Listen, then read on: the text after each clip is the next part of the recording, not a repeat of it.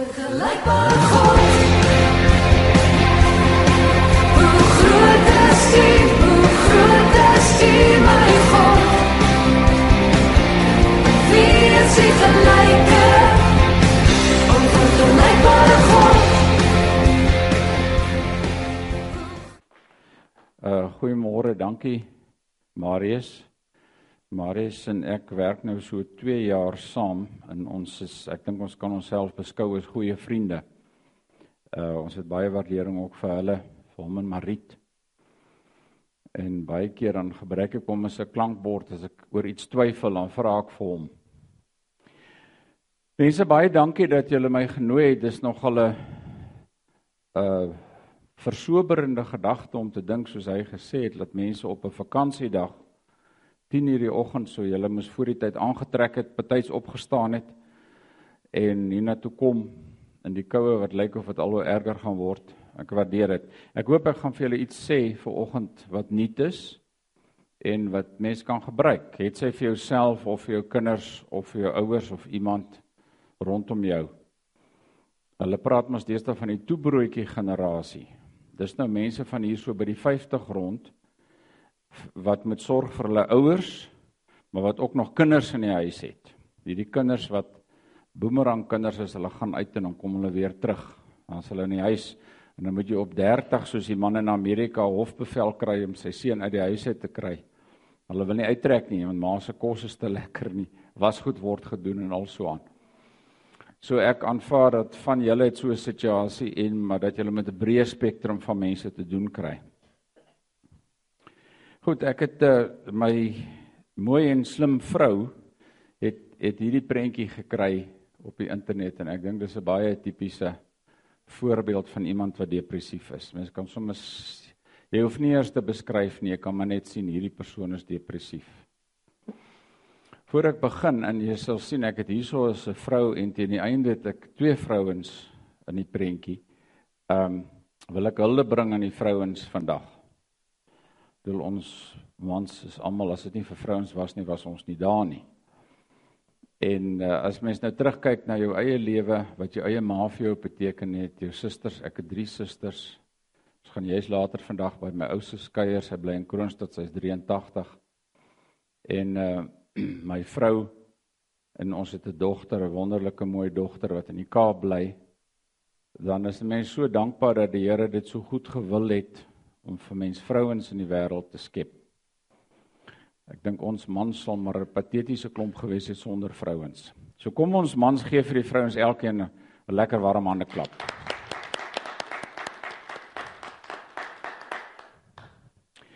Goed, ehm um, ek wil graag begin deur te sê uh, dit was nie my my gewildste ehm um, onderwerp depressie nie. Want die moeilikheid is met depressie is dat die mense wat jy mee te doen het, is nie entoesiasties nie en wil nie dinge gedoen hê en so aan nie. Ehm um, daar is dokter Mada Reyneke het haar doktorsgraad by my gedoen en sy het 'n depressie ondersteuningsgroep gehad. En eendag moes ek hulle gaan toespreek en ek dag maar uh, hier sien nou klop mense wees wat waardeer wat jy vir hulle sê en entoesiasties hande klap en belangstellend luister en so aan. En toe sit hulle net daar. Toe dink ek maar dis seker die idee dat hulle juis depressie het en sy wil juis hierdie groep hê om hulle te ondersteun. Maar kom ons hardloop vinnig deur die kenmerke. Ehm um, nou daar is baie meer as hierdie, maar ek noem maar 'n paar en miskien in wil nou nie sê dis nou soos in die sielkundige klas, jy moet nou nie as jy een van daai goed sê, o ja, maar ek ly in depressie nie. Uh dis algemene kenmerke. Uh Mens kan een of meer van hierdie hê en dan is jy nog nie depressief nie. Maar kom ek noem 'n klompie goed en dan miskien kan julle jouself vind of mense rondom julle vind wat aan die goed lê. In eerste plek die die kenmerke is belangeloosheid. Die Engels het 'n mooi uitdrukking sê who cares of whatever. Sê die studente mos. Uh as jy vir iemand iets moois vertel en sê hulle ag maar wat maak dit nou eintlik saak of so iets belangeloosheid, iets met net klaar kry. Mens geniet nie die proses waarin jy is nie. Jy dink alles maar dit die ouste maar net klaar maak dat ek kan huis toe gaan en my eie dinge gaan doen. So dit is 'n groot faktor ook baie keer. En dan moegheid. Moegheid is 'n definitiewe teken van van depressie. Nie net sommer een nag se slegte slaap of so nie, maar oor 'n lang tyd 'n termyn van moegheid en van tamheid en jy het nie lus vir die lewe nie en so aan. So wees versigtig daarvoor. Ons sal net nou kom en kyk wat mense kan doen aan van hierdie goed. Nie lus vir dinge nie, jy het geen energie nie. Ehm um, ek wil nou nie die grappie vertel van die van Papi Wassal by die begrafnis nie. Uh ek dink van julle ken hom seker, maar ehm um, jy wil nêrens heen gaan. Die kinders sê, "Ma, kom gaan fliek, Mamma Mia wys." Die nuwe Mamma Mia. Ag nee, wat seker myself as die ou storie. Of wat ook al terloops jy moet hom gaan kyk. Is regtig nogal baie goeie ontspannings. Ry pots toe en gaan kyk hom daarso as hy nie hier naby wys nie. Uh of bietjie dorp toe gaan of so iets. Ek weet as mens ouer word dan is jou huis, jou nesie is vir jou die belangrikste plek, maar mens moet nog altyd bietjie ander dinge doen. Jy moet bietjie wegkom van jouself af. Ons sal dit by die by die uh hantering daarvan ook doen. Die sosiale impak. Mense met depressie wil nie gesels nie. Maar nou is die ironie, dis juist die gesels en die wegvat wat jou goed doen, wat jou bietjie uit jouself uitbring. Uh vorige rektor van ons universiteit Dr Teens Elof uh hulle het grond gehad daar naby Brits En sy pa is oom Daan Elof wat professor was in maatskaplike werk. Hy's nou onlangs oorlede. Ehm uh, hy kom op die plaas en hy sien hier's hierdie ou man van 80, dis ou swart man. En hy loop elke Sondag loop hy 5 km om saam met die jong manne te gaan drink. En toe vermaan hom Daan hom. Hy sê maar dis dan verskriklike ou soos jy. Hy sê ou baas, dis nie die drink nie, dis die saam drink. Daai 5 km wat hy met sy moe lyf loop, hy gaan saam met die jong manne drink en dit laat hom weer goed voel. So nou ek sê nie jy moet gaan saam drink nie, maar die sosiale impak, jy moet kontak hou met ander mense uit 'n sosiale oogpunt. Baie mense wat aan depressie ly, luister nie goed nie. Hulle sit so vol met hulle eie probleme en krisisse en goed. Hulle hoor nie wat ander sê nie. Of as die ander vertel van hulle siekte sê nou dan sê hulle, "Weet jy, jy weet nog nie wat my gebeur het nie." En dan hoor jy so 'n halfuur lange verduideliking van al die operasies wat jy al gehad het en goed. Ehm um, so eh, ek dink mense moet maar probeer luister want as jy ook behoorlik luister dan besef jy maar jou probleem is nie so groot nie. Daai mense het dalk 'n erger krisis as jy.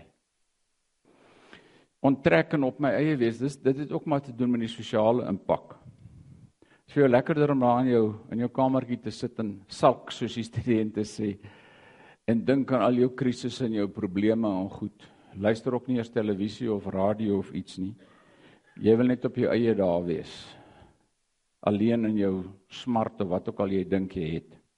En jy dink negatief oor alles. Uh dit dit dink ek is ook 'n gevaarlike ding.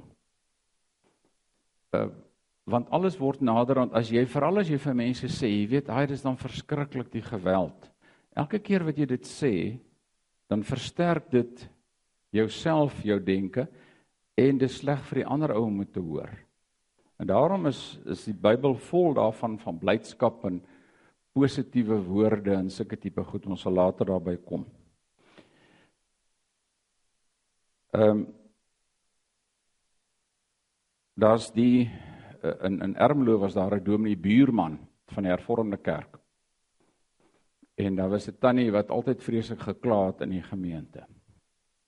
En toe eendag toe kom die dominee daar en sê klaar weer so hy sê tannie stop dit. Kom ek dink kom ons bid nou dan vra ons dat die Here jou moet wegneem want lyk my hierdie wêreld is te swaar vir jou. Nee nee nee dominee dis nie nodig nie. En ek dink as die einde van haar klaag gewees ook.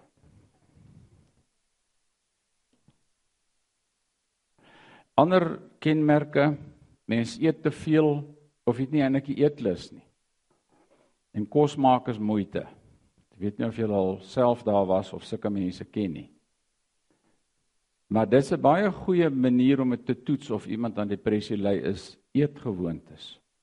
En daarmee saam slaapgewoontes. Slaap jy meer, slaap jy minder, slaap jy onderbroke? te min rus in die nag en jy staan moeg op. Staan moeg op en jy gaan slaap moeg vanaand. En terloops 'n baie goeie resep is natuurlik om 'n middagslaapie te vat. Uh ek het daar by ons huise wat die Engels noem 'n happy hour, dis tussen 12 en 1 wat ek my middagslaapie vat want ek staan vroeg op en voel ek 12 uur kan ek alweer 'n bietjie gaan slaap. En ek is sommer boos vir 'n ou wat my 5 oor 12 bel en my wakker maak. So, ehm um, dit maar terloops ons sal net nou weer oor slaap praat. Jou bewegings is soms stadiger en soms moeisaam. Uh kyk bietjie na mense wat depressie het. Hoe loop hulle? Hulle loop so. Hulle skouers hang, hulle loop stadig. En dis een van die goed wat mens moet doen wat ons net nou gaan kyk is dat jy net deur jouself op regop te laat staan in boontoe te kyk. Want dis waar geloof inkom. Ons sal daaroor praat ook. Gaan voel jy al beter. Jy is nie entoesiasties oor dinge of mense of projekte nie. Tannie wat hulle het daar saamgevat na 'n rugbywedstryd toe. En hulle het nou gedink sy gaan dit verskriklik doen. Sy sê: "Ag, dit was Ek ken nie een van die mense wat daar is nie. 80000 mense, maar sy ken nie een nie. Dis haar tipe benadering. Jy stel dinge uit. Jy dink ag ek sal dit maar later doen of ek weet ek weet ek my suster bel wat siek is. Maar ek sal maar môre bel of oormôre of so. Jy sukkel om werk klaar te kry. Jy begin 'n ding en dan halfpad deur stop jy. 'n gevoel van nie omgee. Van ag, wat maak dit nou saak? Uh, hier's nou alweer oor die nuus sekere goed gewees, maar dit pla my nie. En jy raak onbetrokke van die lewe. En eintlik kan jy dan nie meer die goeie en die slegte geniet nie. Jy kies die kortste pad om dinge te doen.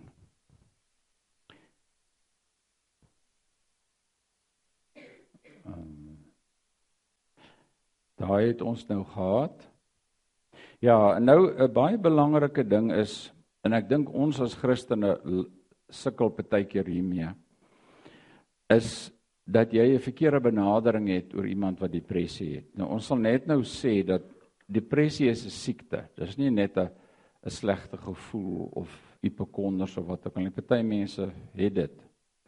Iemand het terloops een keer gesê, het jy al gedaan gedink in die oorlogtyd het niemand depressie nie. Hulle het eintlik al die rede om depressie te wees, maar hulle moet so hardloop om uit die bomme se pad te bly of hulle moet seker maak hoe hulle kan oorleef. So hulle is so gefokus dat hulle nie daar uitkom om te dink ek is depressief, ek moet bekommerd wees oor my toestand nie. Miskien baie van hulle ly na die tyd ons sal by trauma ook uitkom. Maar so depressie is is 'n baie moeilike ding. En dit is Partykeer gaan mense verby dit hulle besef nie daar's 'n genetiese rede daarvoor nie, dis in die families of is 'n chemiese toestand in jou liggaam. Ehm um, 'n provincial koetser ek sal net net vir julle verwys na sy boekie. Hy het gewys dat oor geslagte heen kry jy intergeneratiewe trauma. Waar lê ons Afrikaners baie van ons probleme lê by die boereoorlog wat meer as 100 jaar gelede is. Of iemand se pa wat op die grens iets oorgekom het. En hy het nog steeds letsels van daai ding. So dit kan geneties wees, maar dit kan ook chemies wees. Hoekom kry mense dit dat die pa partykeer selfmoord pleeg en die kind ook later selfmoord pleeg? Dis omdat dit geneties oorgeerf is. Nou ek is self in die gereformeerde kerk En die gereformeerdes, ek weet nie hoe dit by die AGS nie, maar die gereformeerdes is baie onder mekaar getrou. En dit het gemaak dat baie van hulle aan cholesterol ly, hoë cholesterol, aan hartprobleme as gevolg daarvan en depressie. En hulle besef dit nie dat dit ook geneties so is, jy kan dit van jou pa of van jou oupa oorerf, hierdie tipe van goed. So mense moet daarvoor bedag wees. Jy moenie vir so iemand sê ruk jouself reg nie want so iemand is nie in staat om dit te doen nie. Mense wat opstaan wat nie energie het om eers hulle self aan te trek. Uh hulle het medikasie nodig en wat behandeling en hulp en ondersteuning nodig. En daarmee saam glo jy dan nie in God nie. En ek dink ons as Christene is baie keer skuldig hierso. Ons sê, maar jy is mos 'n gelowige en jy weet jy's jy's versoen met God. Hoekom is jy dan so? Uh, maar as jy hierdie chemiese goed in jou het, hierdie depressie het wat 'n fisiologiese ding is, dan kan jy nie. Jy sukkel om vriendelik te wees en om te sê maar jy's 'n oorwinnaar in Christus. Of om vir so iemand te sê jy laat so iemand net nog skuldig voel. 'n Christen is altyd blymoedig en nie depressief nie.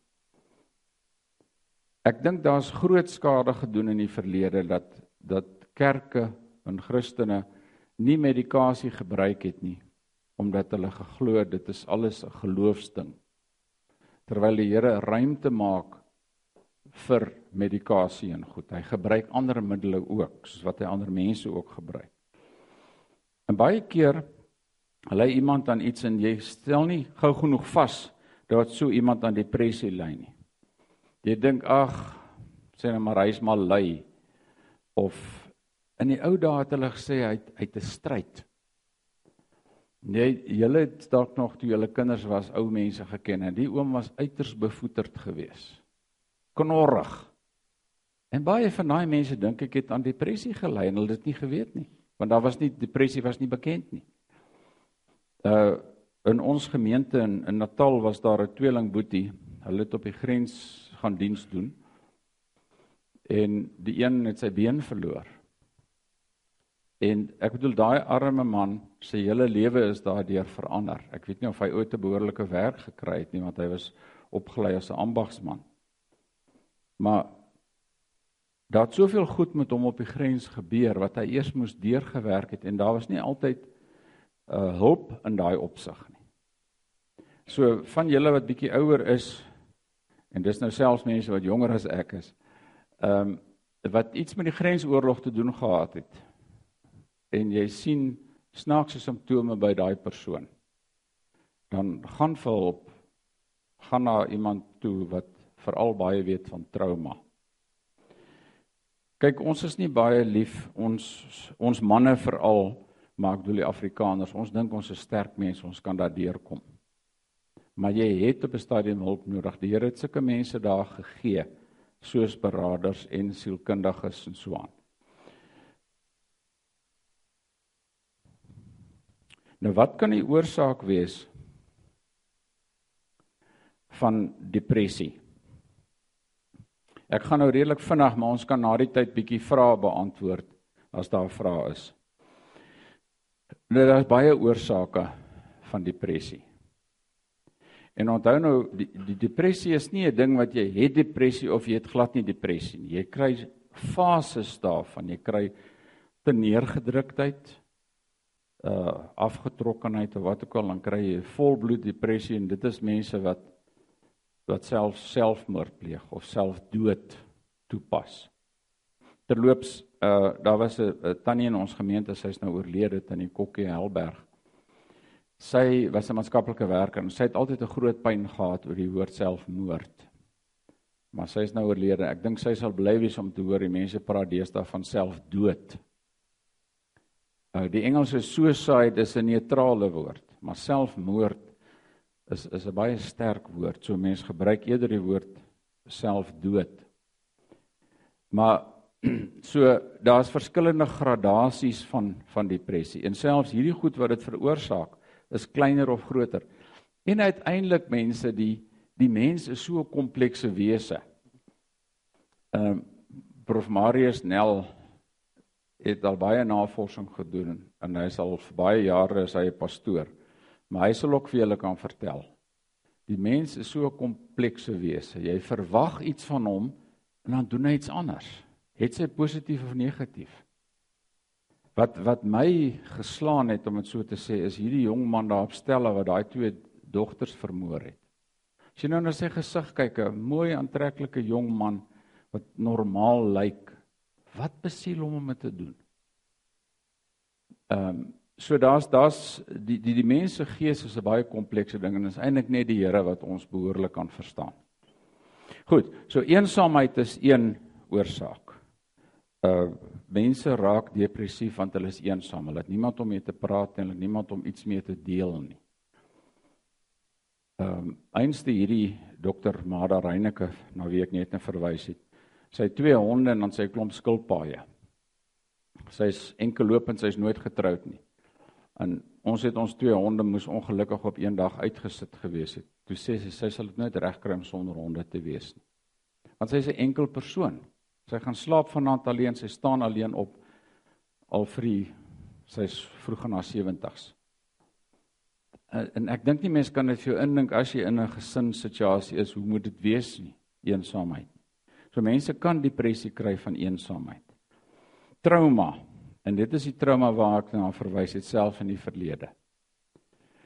Ehm um, in 1997 was ons in Amerika by 'n konferensie en daar's 'n vrou uh wat ook 'n beraader was. Sy vertel haar ma was op daai stadium 87. En dan begin haar ma te vertel hoe hulle haar oom hulle misbruik die dogters. Dan begin sy te huil die tannie. Dis 'n ding wat 70 plus jaar verlede gebeur het, maar dit is so vars in haar kop. So trauma kan dit ook veroorsaak en daarvoor het mens innerlike genesing nodig.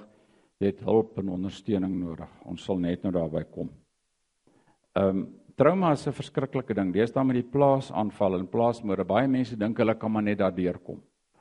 Jy moet op 'n stadium rou. Jy moet op 'n stadium erken dat dit met jou gebeur het en jy moet die emosies beleef wat daarmee gepaard gaan. My my papie is in 1976 oorlede. En ek was die jongste kind in die huis daai tyd ek moes my ma bystaan.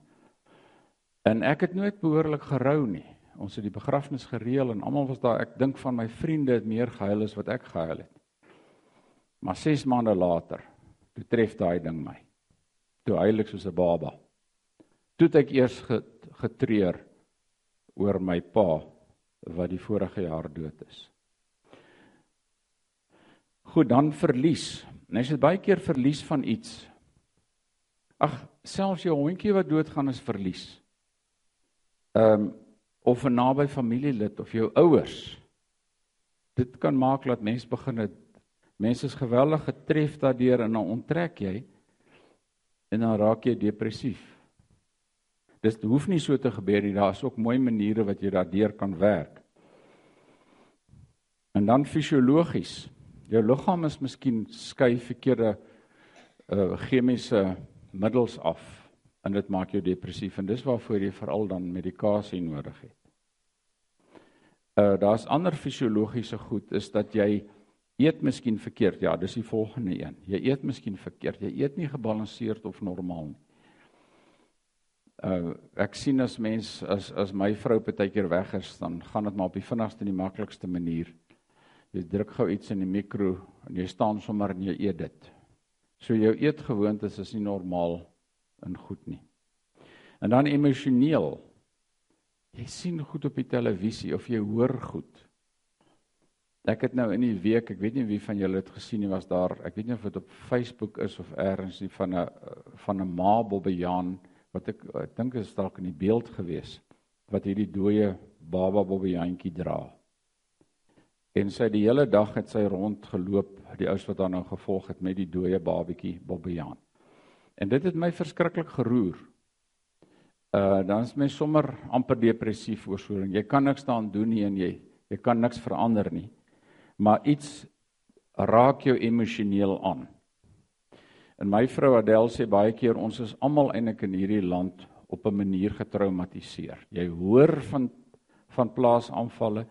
Jy sien goed op die televisie wat hulle aan mense doen. So almal is op 'n manier eintlik getraumatiseer. Vroeger jare het jy groot geword, jy het nooit eers geweet daarvan nie. Jy het miskien jou pa het miskien radio nuus geluister, maar jy het nie die goed so so erg gesien op die televisie elke aand nie. Maar nou sien ons dit in 'n tas ons aan. Dit raak ons aan. As jy aand na aand hierdie goed sien, dan raak jy emosioneel aangetas. Jy kan ook ander gemoedsversteurings hê wat jou ook dan kan lei na depressie toe. Soos byvoorbeeld ehm um, psigose, psigotiese toestande of neuroses. Ehm um, party mense het absoluut is absoluut neuroties oor sekere goed. Oor goed wat hulle raak sien of so. Uh so jy kan dit kan dit ook veroorsaak. Dit kan binne jou wees of dit kan buite jou wees. Goed wat met jou gebeur of goed wat jy hier binne in jou troetel van jou kinderdae af. En ongelukkig is die duiwel en dit kan ek gelukkig hierso sê, ek dink daar's begrip daarvoor, is die duiwel baie geslepe. Hy hou mense daai goed lewendig. Dis mos wat hy wil doen, hy's die vyand. So hy sê vir jou sê maar onthou nou hoe goor het daai oom jou behandel toe jy in standaard 8 was. En dan kom al daai goed weer terug. Daar kan ander redes ook wees van een of ander iets wat met jou gebeur het. Dit hoef nie eers groot en lank te wees nie. My seun is in Kaapstad en hy stap van die werk af seker so half 6 in 'n in 'n mall by so 'n klein gangetjie. En toe hy so verbystap, toe hulle die mense aan van Telkom kantoor, Telkom winkel daar met 'n vuurwapen. En hulle beroof die Telkom winkel. Uh nou ek wil nog met hom praat en sê hoorie het jy met jy met iets daaraan doen want dis trauma wat jy beleef het. Ek bedoel daai ou kon net sowel daai daai vuurwapen gevat het en hom doodgeskiet het. En hy hy met sy mond hou. Hy kan niks doen of sê nie, maar hy sien hierdie ding gebeur. Hy het toe dadelik toe hy by sy kar kom gebel en kennis gegee ek weet nie of hulle iemand gevang het of wat nie. Maar dis die trauma wat jy kan beleef. So daar's ander goed ook wat met jou kan gebeur. Goed, kom ons kyk hoe hanteer mens depressie. Nou hierdie is nie die een en al nie. Daar's baie meer maniere wat mens depressie kan hanteer. Ehm um, een van die goed, oh, ek sal ek sal daarby kom, is dat jy buite jouself leef. In die eerste plek gebed. Ek dink ons as gelowiges begin altyd met gebed. As jy die dag voel jy's af, bid tot die Here. Die Here, jy's mos sy kind en hy's hy's mos lief vir jou. Bid tot die Here en vra dat hy jou help. Of vra dat die Here iemand na jou toe stuur om jou te help. Daar's mos die mooi storieetjie van die twee dogtertjies wat langs mekaar gesit het en die een het gebid en sy sê um, vir die Here hy met sy hand uitsteek en haar aanraak, maar nou hoor haar sussie dit. En sy steek haar hand so en sy vat so aan haar skouer en sy's toe nou baie agterdogtig. En sy sê jy het dit gedoen. Sy sê ja. Sy sê maar maar die Here kan ook deur my werk om jou aan te raak. So ehm um, gebed is baie belangrik. En dan ons gereformeerdes, ek weet nie of julle die gereformeerde kerk goed ken nie. Ons is maar bietjie meer terughoudend wat ons geloof betref. Soos ek dit beleef het. Miskien het die ou sal verander. Ons sal nie maklik sê haleluja, prys die Here en so nie. Ehm um, trouens as jy in die kerk te doen dan gaan hulle jou ernstig aankyk. Maar ehm um, ek het al baie keer gehoor dan dan gaan dit nie goed met jou en dan sê iemand so ek sal aan jou dink. Nou dit help my nou net mooi niks nie. As hierdie ou gaan stil staan in die loop van die oggend en hy dink nou vir 'n half minuut aan my nie. Ek wil hê hy moet vir my bid. En hy moet dit sê en weet daar's mense wat vir hom bid. Ek weet nie of julle dit al beleef het nie, maar as jy deur 'n moeilike tyd gaan, dan is daar mense wat vir jou bid en jy is al as ware asof die Here jou op vleuels dra. En dis die ander mense se gebede. Daar's mos die mooi storie van die ou wat 'n sendeling was. En ehm um, hy het uh, in in Suid-Amerika of elders in een aand toe stap hy so in 'n een eensame pad En hier spring toe nou drie ouens voor wat hom wil beroof van hom aanval en so aan. En hy het net gebid en gesê die Here moet hom help en skielik draai die ouens om en hardloop weg. En een van die ouens kom toe tot bekering. En hy vra toe vir hom, "Maar hoekom het julle daai aand weggehardloop?" Hy sê, "Daar was 12 ouens saam met jou." Dis die 12 mense wat by die huis in Amerika vir hom gebid het elke dag vir hierdie sendeling. En toe het hulle as ware daar verskyn en toe vat hulle die pad. So daar is verhoring op gebede en gebede is belangrik. Dan mediese behandeling, ek sê dis 'n siekte. Dis nie aansittery of so nie. Depressie is 'n identifiseerbare siekte, soos wat griep en verkoue en ander siektes is. Dis hoekom jy medikasie nodig. Dis hoekom jy na 'n dokter toe gaan om vir jou uh, sekere pille te gee. Is dit net vir 'n tydperk om te kan oorleef? Ek gebruik altyd die beeld dis dis soos krikke. As jou been gebreek het, dan het jy vir 'n tydperk krikke nodig tot jy weer lekker kan loop. Uh en dit is waar medikasie, dokter se voorskrif pille kan vir jou iets beteken. En party mense se omstandighede is so erg dat hulle niks anders nie anders kan funksioneer as om pille te kry om hulle aanvanklik te help deur daai krisis nie. Nou ek dink 'n fout wat ons baie keer maak is om as daar dood in die familie is, dan gee hulle partykeer vir die vrou of vir die naasbestaande medikasie of 'n inspuiting of iets. En dan is daai persoon nou weer so gedoop dat hy of sy niks van die hele begrafnis het nie. Ek dink dis ook verkeerd. So daar's 'n balans wat mens moet doen. En dan nou ondersteuning. Ja, ek sien daar's 'n spelfout. Ek het nou eers raak gesien. Maar dit is met vriende wees, hoor. Ehm um, Job se vriende, hulle daarby om kom sit vir 7 dae. En hulle stilte was briljant. En toe begin hulle praat. En toe kom al die moeilikheid. Toe sê hulle al die verkeerde goed. Gaan sit net by iemand en luister na daai persoon. Ons is tog so lief om te praat. Kyk, Jakobus 1 vers 19 sê jy moet vinnig wees om te luister en stadig om te praat, stadig om toornig te word, sê die ou vertaling. Hoekom het die Here vir jou twee ore en een mond gegee? Om twee keer te luister en een keer te praat. Maar ons is so lief om te praat. Ehm um, ek het dit 'n paar jaar gelede eers gehoor dat die die woord tokkelok, dis nou 'n ou wat leer vir predikant, kom van talk a lot af. Uh ek sê altyd leer vir ons ouens wat predikante en pastore word om te luister Hulle hoef nie noodwendig altyd die regte woord te spreek nie, maar hulle moet luister. En so dis wat Job se vriende gedoen het. Maar toe hulle begine praat, toe sê hulle allerlei verkeerde goed en toe maak hulle droog. Ehm um, jy hoef ook nie altyd iets te sê nie. As daar dood in die families of so, gaan sit net by daai mense. Vat 'n blommetjie of iets, gee 'n drukkie. Uh een van my kollegas is was predikant in Namibië, Dr Teens de Klerk. En hulle dogter was seker so dan 'n 3 rond. Toe toe sy terminaal siek aan kanker. En sy's ook toe dood aan net die een ander dogter. En nou vertel hy altyd die storie van hulle was nou hy was predikant op Vryheid maar die kind was in Pietermaritzburg in die hospitaal. En daar's 'n predikant, ek sal nou nie sy naam sê nie, maar hy so droë siel uit. Dit altyd lyk of hy nie iets behoorlik kan sê nie. En wat het hy gedoen? Hy het 11 uur in die aand by die hospitaal aangekom. Dan sit hy saam met die die de klerks. Hy preek nie vir hulle nie, hy hy uh, gee nie vir hulle toespraak nie. Hy lees nie uit die Bybel niks nie. Hy sit 'n uur lank by daai mense wat se kind besig is om te sterf. En dan doen hy 'n kort gebed en gaan hy huis toe. En dis nou al seker 30 jaar gelede en dis wat hulle onthou.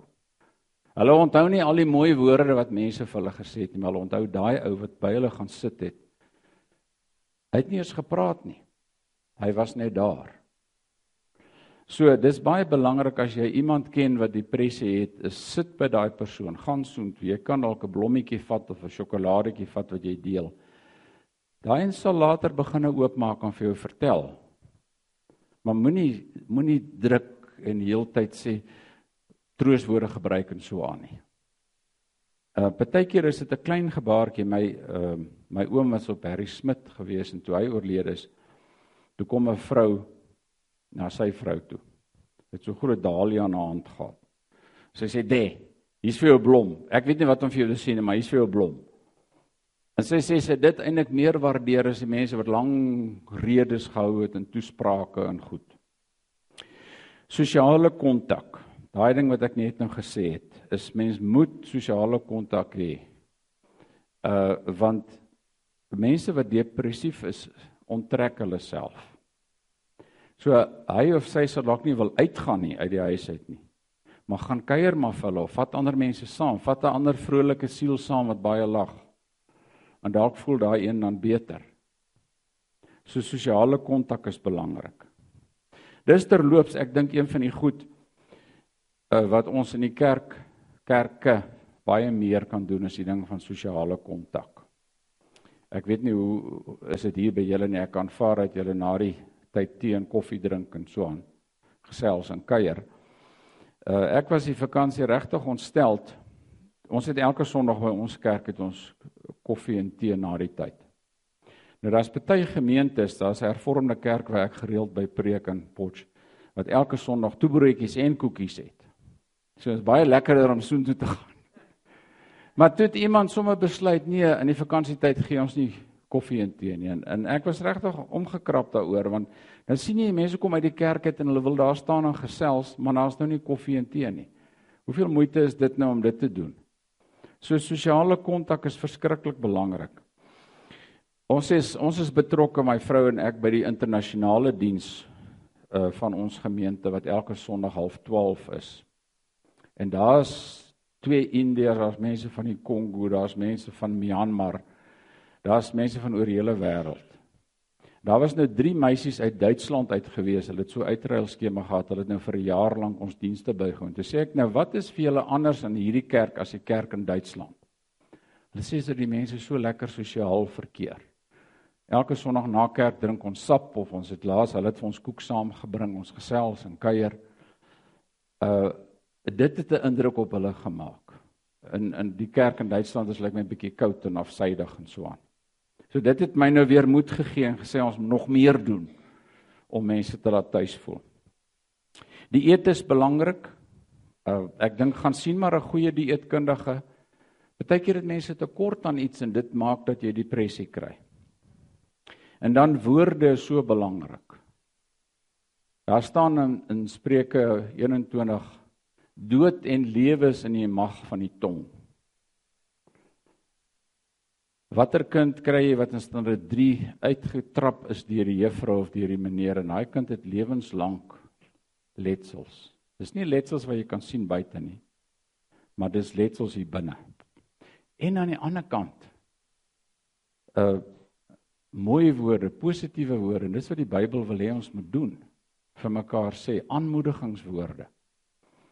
Ehm um, ons het vriende. Hy was koshuisvader en ehm um, daar was 'n kleerlingseun wat baie goed presteer het in ingenieurswese. En hy het altyd vertel, daar was in standaard 6 'n blanke onderwyser wat hom gesê het, maar weet jy wat ook al sy naam is, sê maar Michael. Jy is goed in wiskunde, jy moet verder studeer eendag. En daai een sinnetjie het vir hom gemotiveer en hy het 'n ingenieur geword binne sy 4 jaar. En ek weet nie wat sy werk doen hy, maar hy sal 'n goeie werk hê. Net daai aanmoedigingswoord. Natuur. Hulle het in Amerika uh, navorsing doen gevind al gaan jy uit al as jy depressief is en jy gaan net uit en jy gaan sit in 'n parkie op die op 'n bankie in die parkie waar dit groen is vir 'n halfuur dan voel jy al beter. Hulle toets die vlakke van sekere hormone. Ek dink die Here het ons gemaak om in die natuur te wees, maar wat doen ons nou? Ons sit voor die televisie in die aande. Die mooiste tyd van die aand sit ons voor die televisie en kyk na hierdie gruisame nuus. Of die aaklige goed wat hulle in sewende land en ons het gelukkig nou lankal nie meer televisie nie.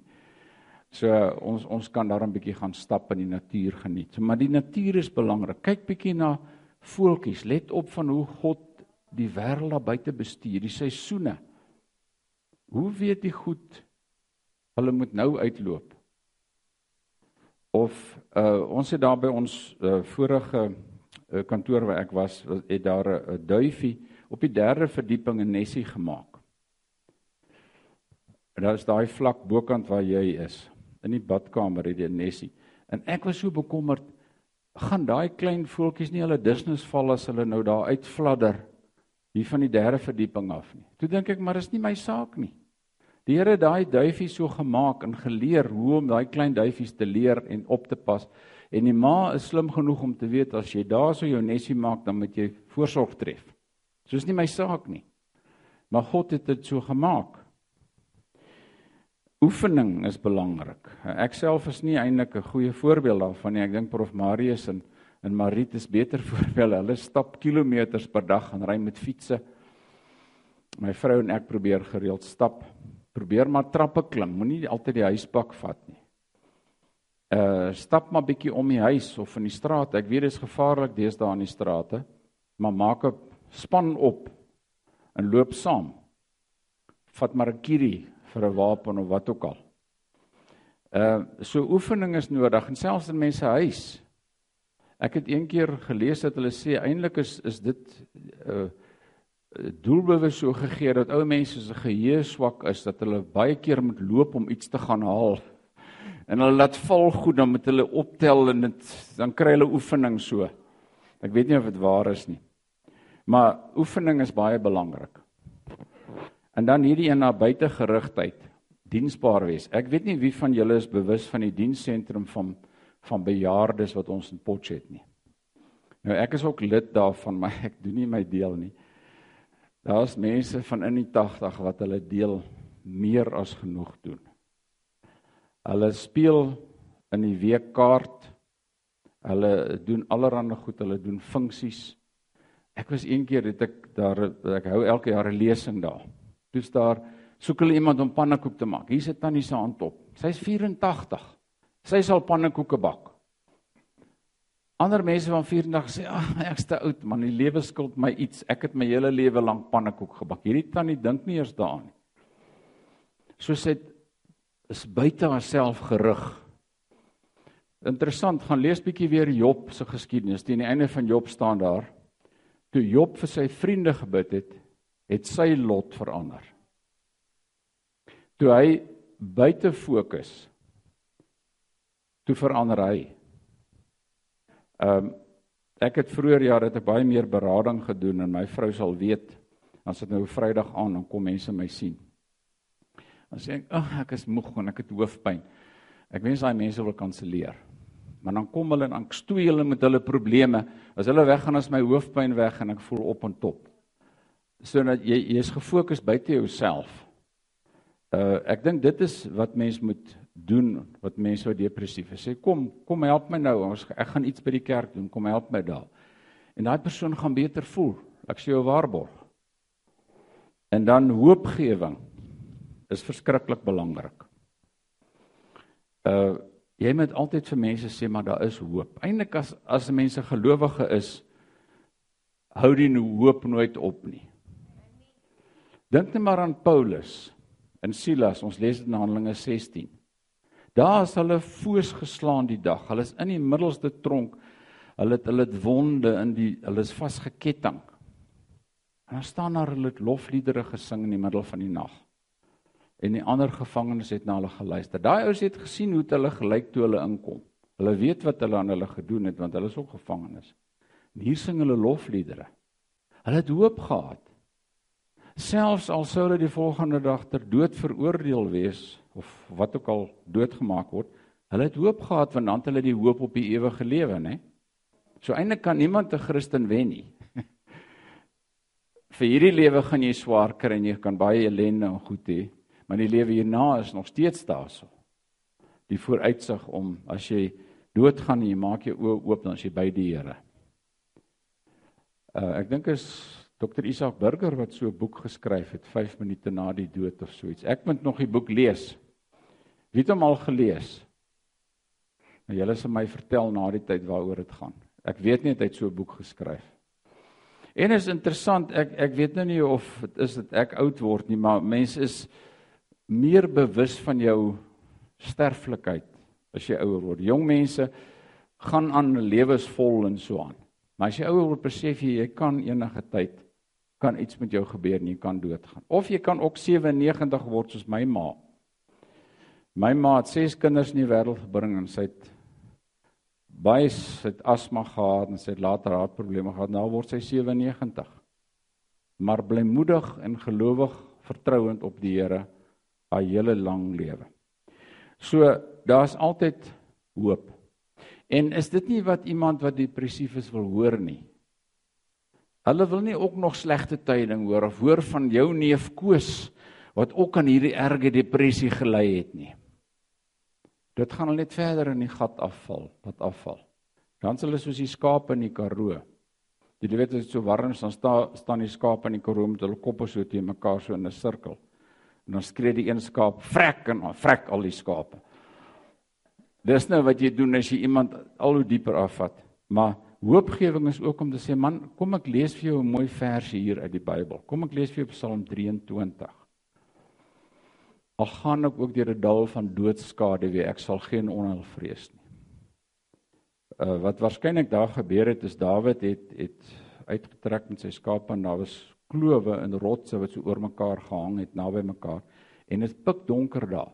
Maar die skape hoor hierdie kierie van hom, sy stok en sy staf. Hulle hoor hom en hulle weet hulle herder is daar en hulle volg hom in hierdie donker donkerte in. En dis wat ons moet aan glo en vir ander mense hoop gee. Goed, ek is amper klaar. Uh Provincial Koetser is my een kollega hy het 'n 'n boek geskryf oor depressie. As jy iets op op 'n eenvoudige manier nodig het, kan jy 'n bietjie net sy naam opkyk in die op die internet en kyk hy het 'n baie goeie webbladsy, hy bied ook kursusse aan goed aan. Ek weet nie van julle dalk van sy kursusse bygewoon. Uh maar hy het, hy het op die voorblad van sy boek is hierdie, is dit nie 'n mooi prentjie daai nie? Daai een wat uit dieptes gans verlore is en die ander een wat sy hand om hom sit en hom troos. Goed, en daar's die tannies wat vrolik is. Kyk hoe bly is hulle oor die twee roommeisies wat hulle eet. Mense moet nooit ophou om bly te wees oor klein goedjies nie. Dit is soos om 'n roomys te kan eet. Ek het nog nie iemand gekry wat nie van roomys hou nie. Weet julle van iemand? Of jy nou klein is of jy oud is, jy hou van roomys. Maar dis uiteindelik hoe mens behoort te wees. En nie soos die arme vrou in die begin wat so depressief is nie. Baie dankie. Ek hoor graag vra of ehm uh, opmerkings wat julle het. Het julle 'n mikrofoon wat julle vir iemand gaan gee? Frikkie?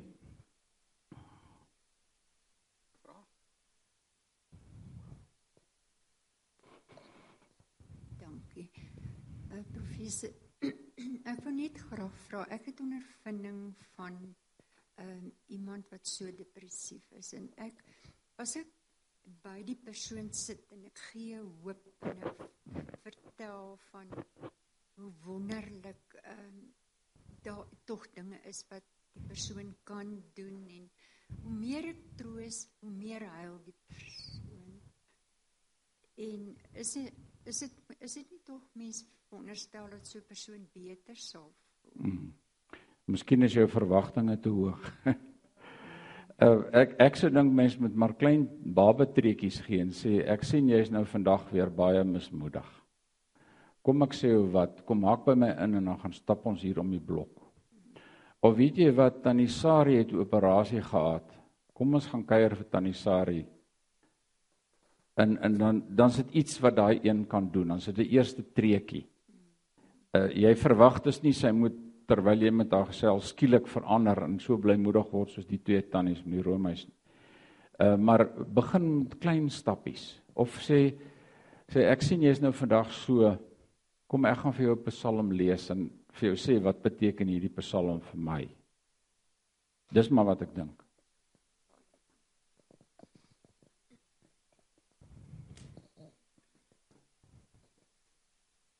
Prof, daar's een ding wat ek 100% met u saamstem. Nie dat ek nie saam met die ander stem nie, maar wat ek wel ondervind het.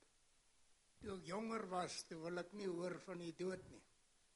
Maar nou dat ek mooi groot is, nou besef ek my tyd ek is soos die mense sê in 'n uh, eh, 'n uh, eh, beseringstyd. En nou uh, is die dood nie meer vir my iets uh, wat ek voor bang is nie. Ek het al eendag gedink Toe ek hoor van 'n ou wat dood is, toe sê ek hy het my nou al vooruit gegaan. So met ander woorde in hierdie tyd wat ek leef, moet 'n ou nou maar so leef dat as die Here jou kom haal, hy reg is. Of dit kan nog 20 jaar wees. Dankie. Ehm um, daar was eh, 'n uh, vriendin van my maat aan die Vera ter Blanche uh, wat op Potgietersrus gebly het en sy was 78. Toe sê sy sy's te laat op straat. Nou is 'n mooi uitdrukking behalwe dat ek dink sy's bietjie haastig geweest want my maat toe nou 97 geword. Ehm um, so dis dis net die Here wat gaan bepaal hoe laat jy op straat gaan bly. Genadiglik. Ehm um, wat ek ondervind is dat ehm um, siekte, erge siektes soos hartomleidings, kanker, daai goed baie van ons tref Mm. op 'n stadium wat jy dit nie glo dat dit jou oorkom nie. En dan kry jy ook in die hospitale die behandeling en dan waarsku hulle jou dat dit jou gaan tref. Maar wat ek dan ondervind is as jy nie sterk in die geloof is nie, dan val jy plat. Mm. Want uh, dan is dit wanneer die mediese dokters, daar's 'n dokter bel, ek dink hy baie te doen met dit dat sy hulp ook van kardinale belang is vir so 'n persoon. So ek weet medies ongeskiktheid, dinge wat met jou gebeur, maak wat jy gou-gou baie hard moet veg om nie in depressie te verval nie. En die die mense rondom jou moet ook gerad wees daarvoor. Die die neiging is dat dat mense met jou net praat oor jou mediese toestand. Uh my vrou het in Januarie het sy knie vervang gehad wat eintlik toe 'n groot ding is wat ons gedink het dit is. En tipies mense wat kom belangstel, praat oor die mediese goed. Maar baie keer skiet mense nie verby dit en sê hoe voel jy emosioneel nie. Ons het 'n vriend wat wat sy oog verloor het.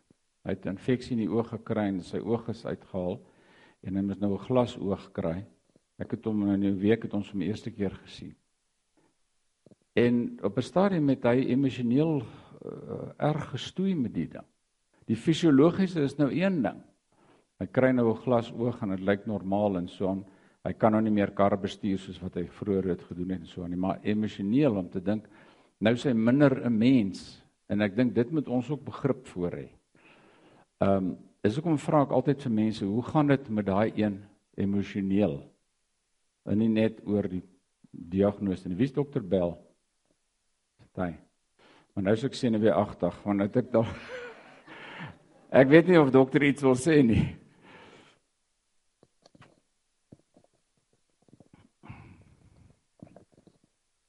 Ja, baie dankie. Ek dink dit is 'n wonderlike praatjie gewees en ek dink wat uitkom hierso is dat daar's nie ehm um, een antwoord op depressie nie. Ehm um, wat ek net wil uitlig is uh my ervaring is as ek nou partykeer met pasiënte praat en ek kom agter dis nou 'n emosionele ding of 'n depressie ding, dan sê ek nou met hulle mooi gesels. Dan sê jy begin met dokters en dan mooi pas ja, dis waar dominee. Dan gaan hulle oor na die dominee toe as jy nou te te mooi gesels, maar wat ek wel ervaar het is dat ehm um, daar's twee kante van die muntstuk. Die een is die sterk gelowige wat uh vasglo dat met my God is alles moontlik en ons gaan hierdie ding geestelik deurwerk en ehm um, deurstoei en dan raak hulle al hoe meer depressief. En naderhand is dit 'n geval van maar is my geloof nou nie sterk genoeg nie. Ek roep die Here aan in my tyd van benoudheid en ek raak al hoe meer depressief. En dan voel hulle skuldig oor hulle geloof nie sterk genoeg is want hoekom hoor God hulle dan nie?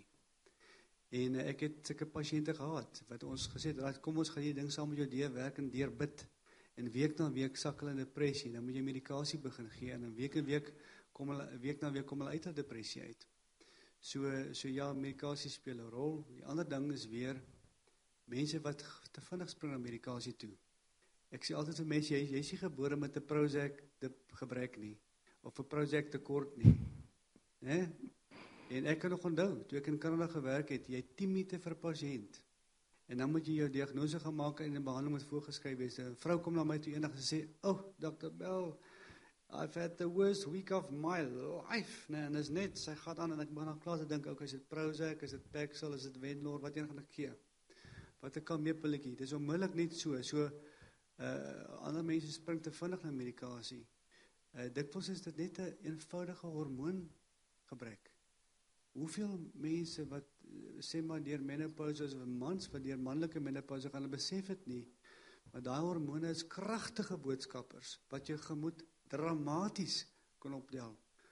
Ek het eendag uh, is 'n ek gaan nou nie die naam noem nie, maar ek sien 'n bekende persoon daar in Potch. Ek ry toevallig aan 'n straat en ek sien daar staan 'n man, maar hy spuit sy tuin nat in 'n kortbroek en 'n kaalbolyf, maar hy lyk so verslae. Hy staan soos jy net gesê so krom en vorentoe en hy stadig. Jesus, ek sê vir hoorie man. Wat gaan aan met jou? Maar jy lyk so stok ou man.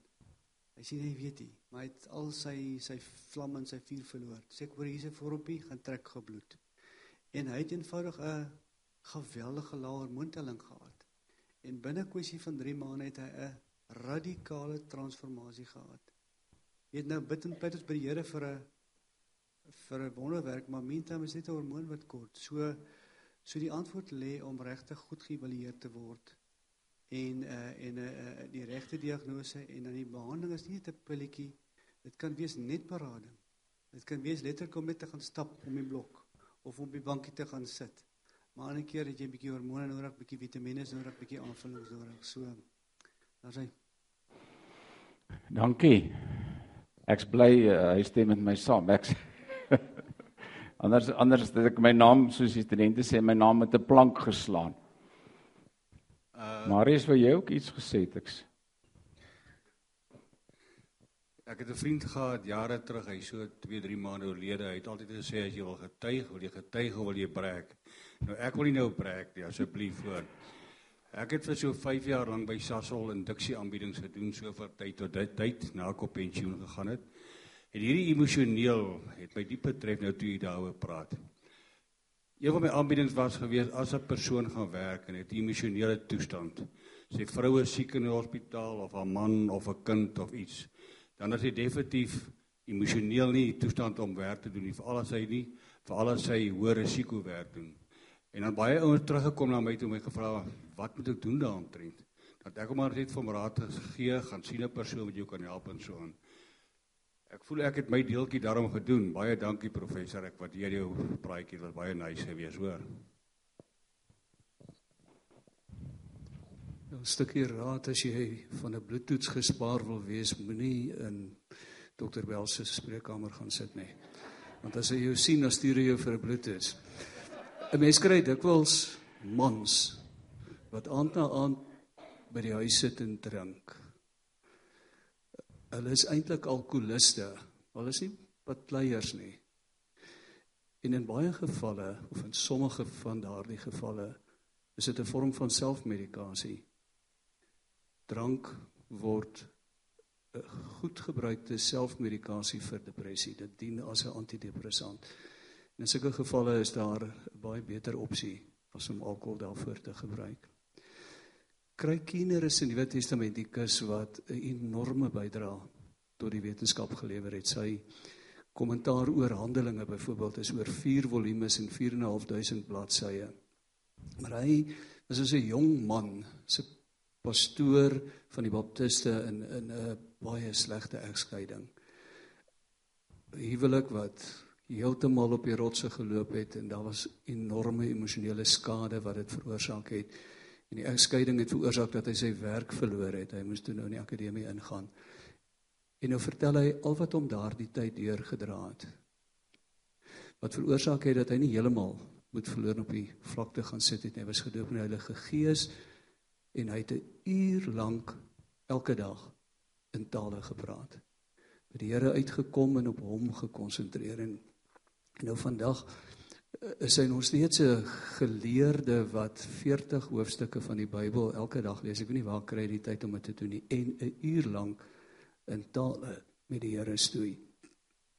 Daardie konsentreer op die Here, die enorme invloed van gebed van draai jou oë weg van die wêreld en kyk na Jesus, kyk look full in his wonderful face. En dan as jy daar opstaan, sien ook die mens om jou wat vir die Here ook belangrik is. En dit maak ook 'n enorme verskil. Ja, kan ek net julle opsê. Ek wil ek wil net sê julle julle ken almal die geskiedenis van Elia wat daar gesit het en hy's erg depressief. En wat was die Here se oplossing vir hom? Drie goed. Hy moes eet en drink en hy moes behoorlik rus en hy het 'n roeping gekry. Hy het 'n opdrag gekry om iets nuuts te gaan doen. Toe het hy weer krag gehad, toe kon hy 40 dae weer aangaan.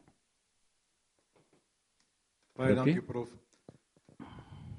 Ek het nou is die laaste seker 47 jaar 'n paar groot operasies gehad. Maar die een wat my veral daarop uh uh oplettend gemaak het is dat die eerste operasie wat ek gehad het, ek nie baie goeie op uh, uh uh omstandighede gewerk nie. En uh soos die Engels sê uh ons owerhede het they managed by fear. So jy het altyd 'n vrees. Het jy môre nog werk? En na die operasie gelukkig het ek in 'n diepe depressie geraak. Ek het nie lewenslus gehad nie. Ek was negatief. Ek het nie eens probeer om te wil gesond raak nie. En ek het selfmoord beplan. Tot die fyn- fynste detail. En jy kon nie vir my skei skeef kyk nie. Dan het ek gehuil. En toe ek terug aan die dokter toe en ek vertel vir hom dit, sê hy vir my meneer, ek gaan vir jou 'n pilletjie gee vir 6 weke. Ek is so bly jy het my vertel. Hy sê want jy het na narkose depressie. Daarna, as ek operasie gehad het en die ander operasies te gehad het, was ek oplettend daaroor om te sien. En baie mense besef dit nie dat nadat 'n mens 'n traumatiese geval, geval gehad het soos 'n siekte of 'n groot operasie, dan is daar buitefaktore wat maak wat ek dink ek wat bydra tot daai na-narkose depressie.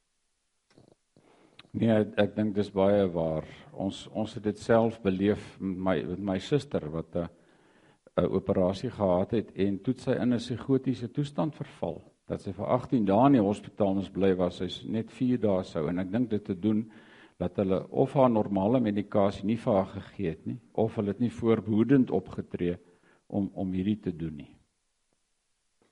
Ek wil ook net getuig. Ek het en ook deur 'n geweldige droom trauma gegaan op 'n stadium.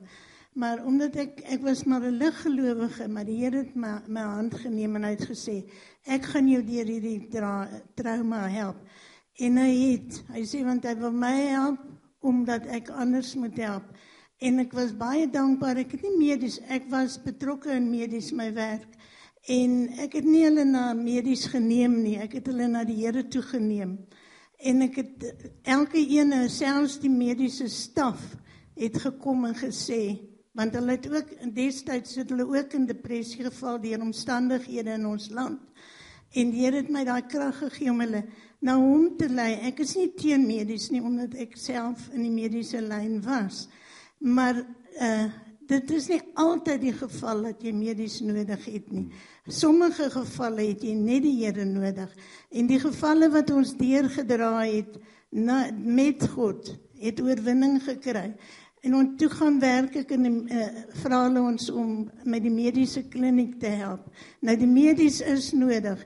Die dokters en die susters in die mediese kant en dan doen ons die uh geestelike Geestelike kant. deel. En wanneer die medies klaar is, kon hulle nie oorwinning ten volle kry nie, maar wanneer ons die die godsdienstige kant doen, die die geestelike kant, het hulle dadelik oorwinning gekry. So ek spog nie daarmee nie, ek spog in my God want hy kan alles doen. So daar is gevalle wat jy ten volle oorwinning in die Here kan kry. Ja. Nee, baie dankie. Ek stem saam. Ons was by 'n uh, uh, beradingskonferensie in Nashville in, in Amerika. Daar's so 3000 beraders wat daar is. In die oggend toe met die een oue lesing gee, maar hy werk by 'n wêreldwye organisasie, ek kan nou nie die naam onthou nie. En die organisasie uh doen baie goeie werk oor die hele wêreld. Maar hy moes toe daai dag nadat hy die lesing gee, moes hy toe gaan en gaan getuig teen 'n uh, 'n uh, is 'n uh, koshuisouer by die koshuis waar hulle gewees het. Kyk, die sending het hulle kinders almal by hierdie een koshuis gesit as hulle dan sendingwerk gaan doen. En daar is hulle gemolesteer. En dit is toe nou 40 jaar later toe kom hierdie ding uit. Toe staan daai ou dan, hy begin te praat en hy soos die studente sê hy krak heeltemal op. Begin huil en hy's hy's ontroosbaar. En nou toe sê ek amper dis dis amper soos 'n ou wat by hartchirurge 'n hartaanval kry. Waar wie 'n beter plek kry om so iets te gebeur as daar. En dadelik het van die leiers gekom en hulle het vir hom hande opgelê en hulle het vir hom gebid en hom opgedra aan die Here en so aan by daai kom. Nou dis wat vir my so wonderlik is dat jy Christene rondom het. Dis hoekom ons vir mekaar moet omgee. En uh, ek dink ons kan maar meer doen met ons fisiese goed ook. Ek weet in die AGS is dit is julle meer ekspressief as ons. Jy kan maar iemand die hande oplê en jy kan iemand seën. Uh jy kan daar's verskillende maniere. Ek bedoel die Bybel is vol daarvan van hoe dat daar 'n fisiese gebaar was wat bygedra het tot seëning of sterkte toewens of bemoediging of wat ook al. Onvergelijkbare God.